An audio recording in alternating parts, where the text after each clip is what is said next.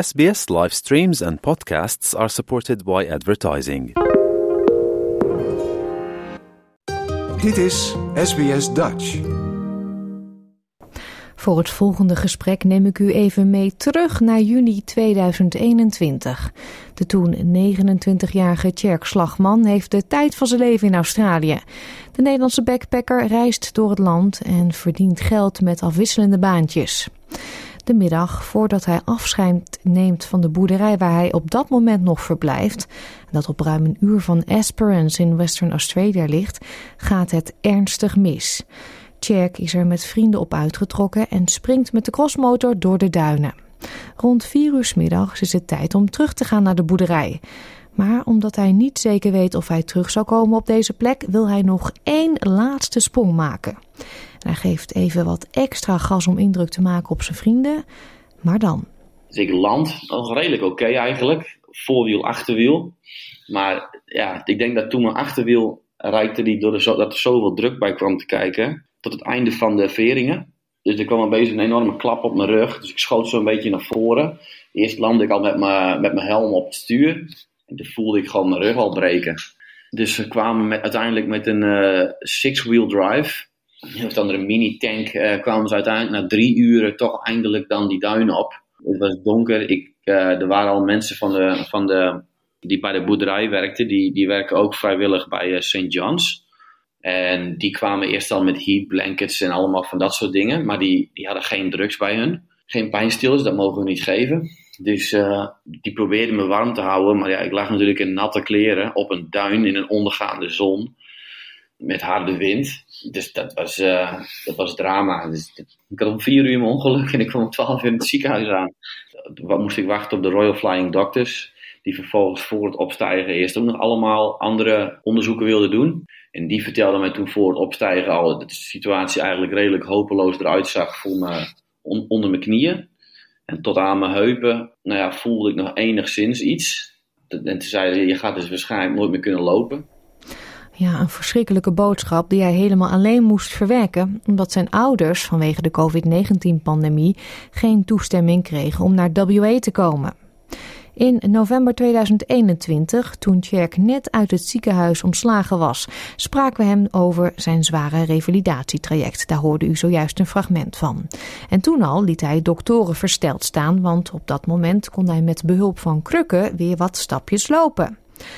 Het verhaal van Tjerk maakte op veel mensen indruk en dus vonden wij het hoogste tijd om nu, bijna anderhalf jaar later, weer eens contact met hem te zoeken om te horen hoe het nu met hem gaat.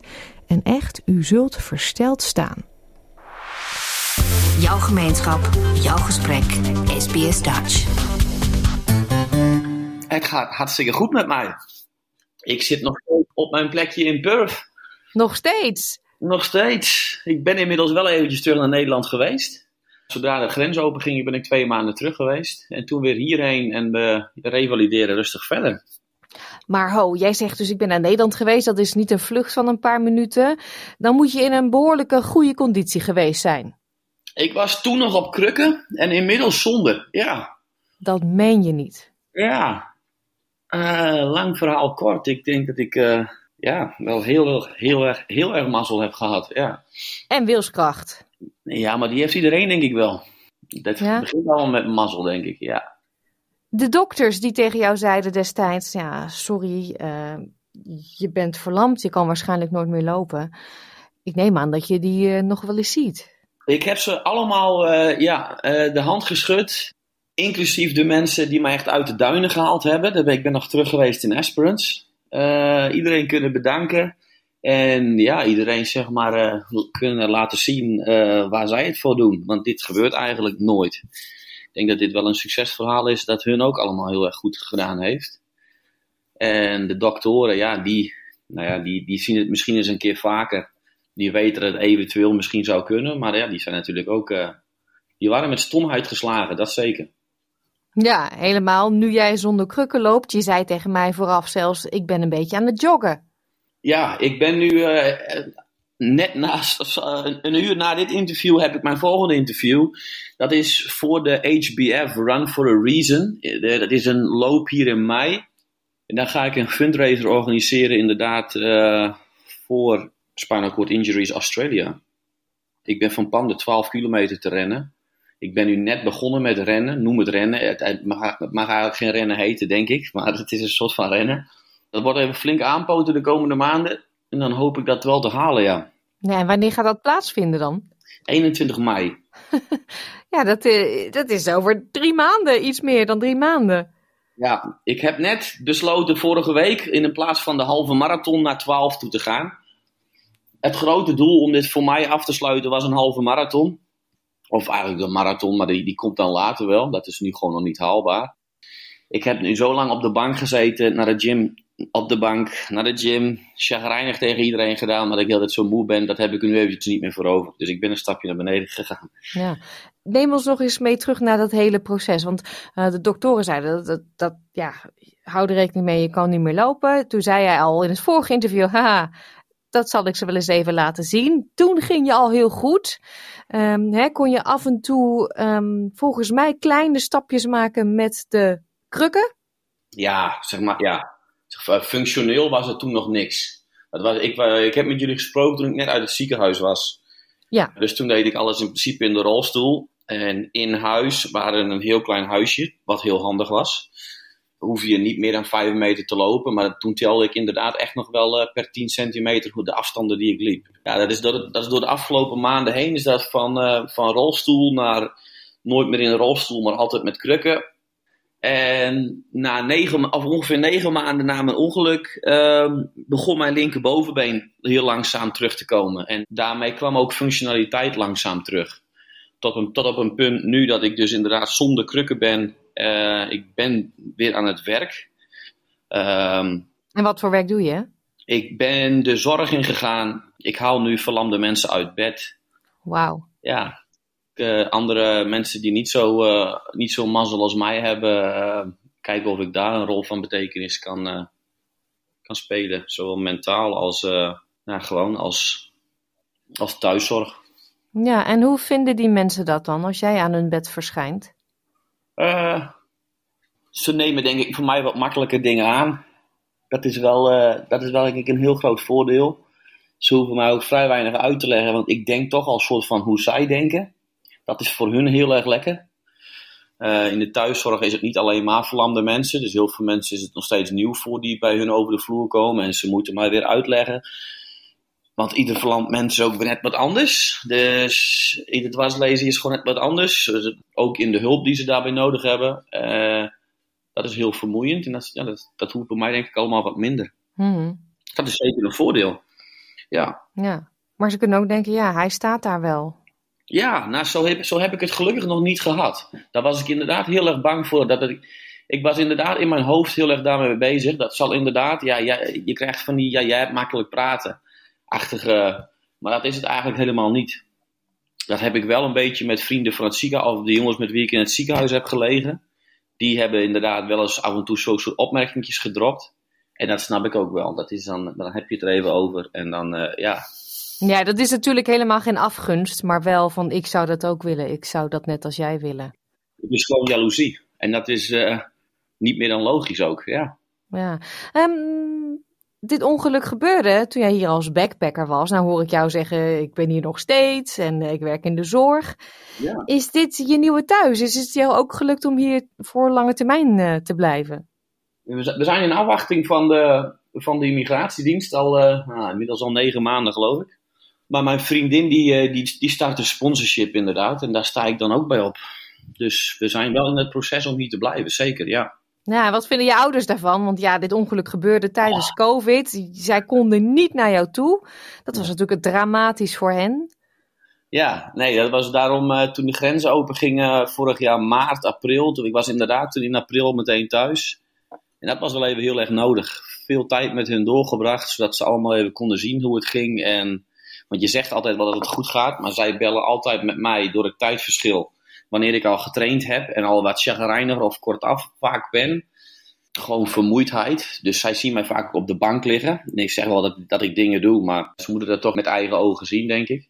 En uh, ja, ik zie ze volgende week weer. Ze komen volgende week hier. Dus uh, ik, daar heb ik heel veel zin in. En dat gaat een heel groot verschil zijn met vorig jaar april en nu. Ja, dat gaat een heel ja. groot verschil zijn weer. Functioneel weer veel, veel beter. Wat ik zei, ik, ik, ben, ik ben in Nederland gestopt met krukken gebruiken.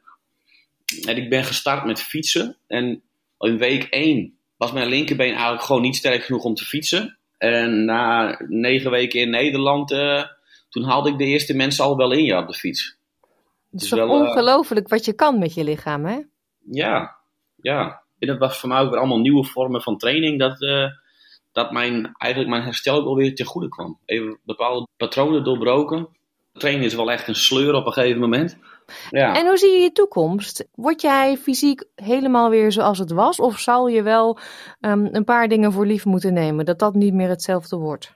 Ja, natuurlijk. Ze zeggen uh, sowieso een dwarslezen heb je voor altijd. En dat denk ik wel. Uh, kijk, mijn blaas en mijn, uh, mijn poepen en plassen is niet zoals het zou moeten. Maar het is wel leefbaar. Uh, ja, kijk, je komt van een situatie dat veel, veel erger is. Dus dan maken dingen die misschien voor jullie heel veel uit zouden maken, voor mij niet zoveel meer uit. Ik heb veel minder beweging in mijn enkel. Uh, ik heb sowieso niet echt meer gevoel in mijn benen. Ik heb laatst al een keer te dicht bij het vuur gezeten. Dan heb ik mijn knie helemaal verbrand. Oh nee. Dat voel ik dan niet. Ja, uh, nou ja dat soort dingetjes. Maar ja, dat, ik heb mijn mobiliteit grotendeels, die ga ik denk ik wel grotendeels terugkrijgen, ja ik, heb het idee zelf nu, nu het allemaal wat uh, verder en wat meer uh, tot rust komt in mijn rug en zo ook. Dat hersteltijden voor mij zijn gewoon heel anders. Uh, komt dat omdat ik ouder word? Dat weet ik niet. Maar het is, dat heeft denk ik te maken met mijn dwarslezen. Ja, ik, van een wandelingetje. Ik, ik kan nu in ieder geval een wandeling doen van 5 kilometer. Maar ik ben vervolgens wel de rest van de dag ja, vrij weinig wacht. Ja, ja, ja. Maar uh, kan jij uh, auto rijden? Want je zegt ik heb geen gevoel meer in de benen. Um, ja, ik heb mijn, uh, mijn automatisch rij, rijbewijs, ik denk twee, drie maanden met jullie gebeld had gehaald. Dus dat, dat opende mijn wereld echt. Dat is zo'n groot verschil. Dat ik gewoon overal even heen kon. Want daarvoor was het continu op de bank liggen en dan maar de keuze maken van ga ik al die energie nu in in de rolstoel naar de taxi of uh, in, het openbaar vervoer rijden of weet ik het allemaal wat. Alles is steeds een afweging. En als je je rijbewijs hebt, dan hoef je alleen maar druk te maken om hoe kom ik bij mijn auto. En als je zit, dan zit je. En ik heb nu sinds vorige week vrijdag uh, mijn normale rijbewijs teruggekregen. Wow. Net voor mijn uh, ja, rijexamen gegaan weer. Ja, ik heb wel een goed idee waar mijn been, als ik mijn ogen dicht zou doen, zou doen. Heel veel mensen verliezen het besef waar hun benen zijn, dat is bij mij nog wel uh, ja, redelijk goed. Wel echt minder dan het was, maar dat is wel ja, goed genoeg om te kunnen rijden in ieder geval, ja. Ik, ik zei je destijds al, je bent een inspiratie, maar uh, ja, zo'n einde, natuurlijk is dit niet het einde, maar zo'n update om dit te horen, dat is natuurlijk echt geweldig. Dat is gewoon kippenvel. Ja, dat is kicken, hè. Dat, uh, ja. Ik, ik besef het zelf, ja, ik werk dus in de, in de zorg nu en ik heb nog vrienden van het ziekenhuis die ik wel zie. En dat, die, ja, die houden me altijd wel bij de les van... Uh, eigenlijk zou dit niet zo moeten zijn. Maar gewoon ongelofelijke mazzel, ja. Mazzel en wilskracht. Die, die, die Friese doorzetters. Ah, ja, als jij het zegt. Ik, ik wens je heel veel geluk en uh, dat je nog maar veel progressie maakt. Ook al is het nu al zo geweldig natuurlijk, met wat je al net zei, wat je geschetst werd, op naar de 12 kilometer. Ja, dat hoop ik. Dat gaan we doen. Like, deel, geef je reactie. Volg SBS Dutch op Facebook.